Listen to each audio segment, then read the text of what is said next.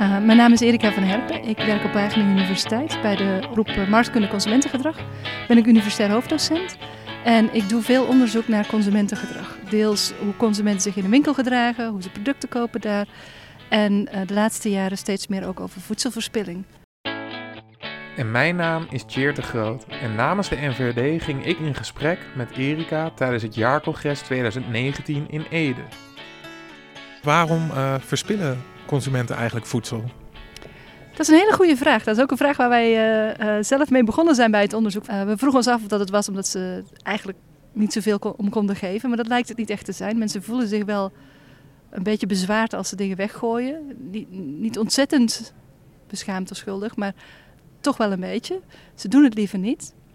Dus het is echt een soort afgeleide van... Ja, je, je, je wilt zo verschrikkelijk veel dingen met dat voedsel in je huishouden. Je wilt gevarieerd eten, gezond eten.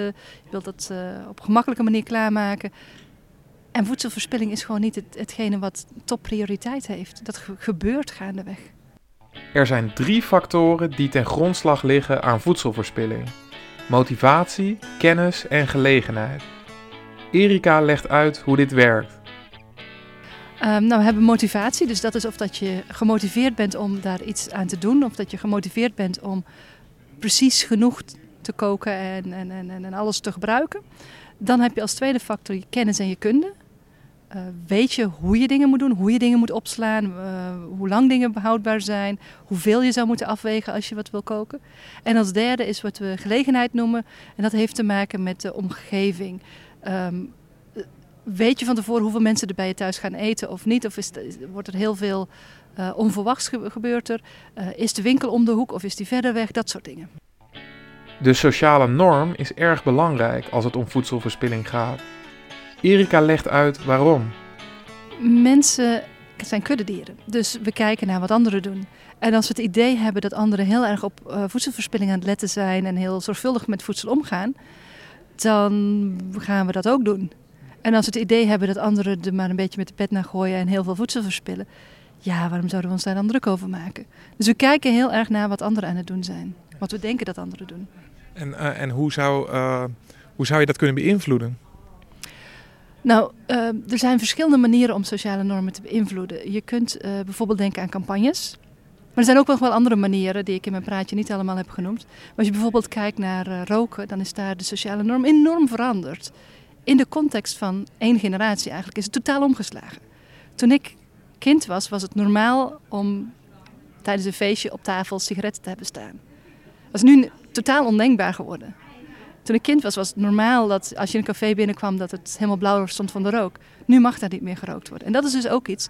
Uh, wetgeving, regelgeving kunnen ook werken. Uh, voedselprijzen uh, zouden ook effect kunnen hebben. Er zijn heel veel verschillende ja, soort van, van manieren om die norm te veranderen. Uit de zaal komt er een vraag van een van de leden die zich afvraagt wat organisaties zelf kunnen doen in hun bedrijfsrestaurants om voedselverspilling tegen te gaan. Ja, dan heb je het dus over uh, voedselverspilling home. Daar, blijkt dat uh, als je bijvoorbeeld de kantine hebt waarbij mensen zelf dingen kunnen opscheppen, zoals salades of zo. Als je ze kleinere borden, kleinere kommen geeft, scheppen ze minder op, is er minder voedselverspilling. En zeker als je ze de gelegenheid geeft om nog een keer terug te kunnen gaan als het nodig is, heb je kans dat die voedselverspilling daar ook minder wordt. Um, je kunt wat beter proberen aan te sluiten op hoeveel er normaal gesproken verkocht wordt. Uh, ik weet dat er kantines zijn waarbij ze eind van de dag dingen die over zijn gebleven, dat die opgehaald kunnen worden door medewerkers. Om thuis op te eten, zodat het niet weggegooid hoeft te worden.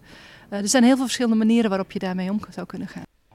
Tijdens het congres werden er drie onderzoeken uitgevoerd. Een van de onderzoeken met koffiebekers gaf verrassende resultaten.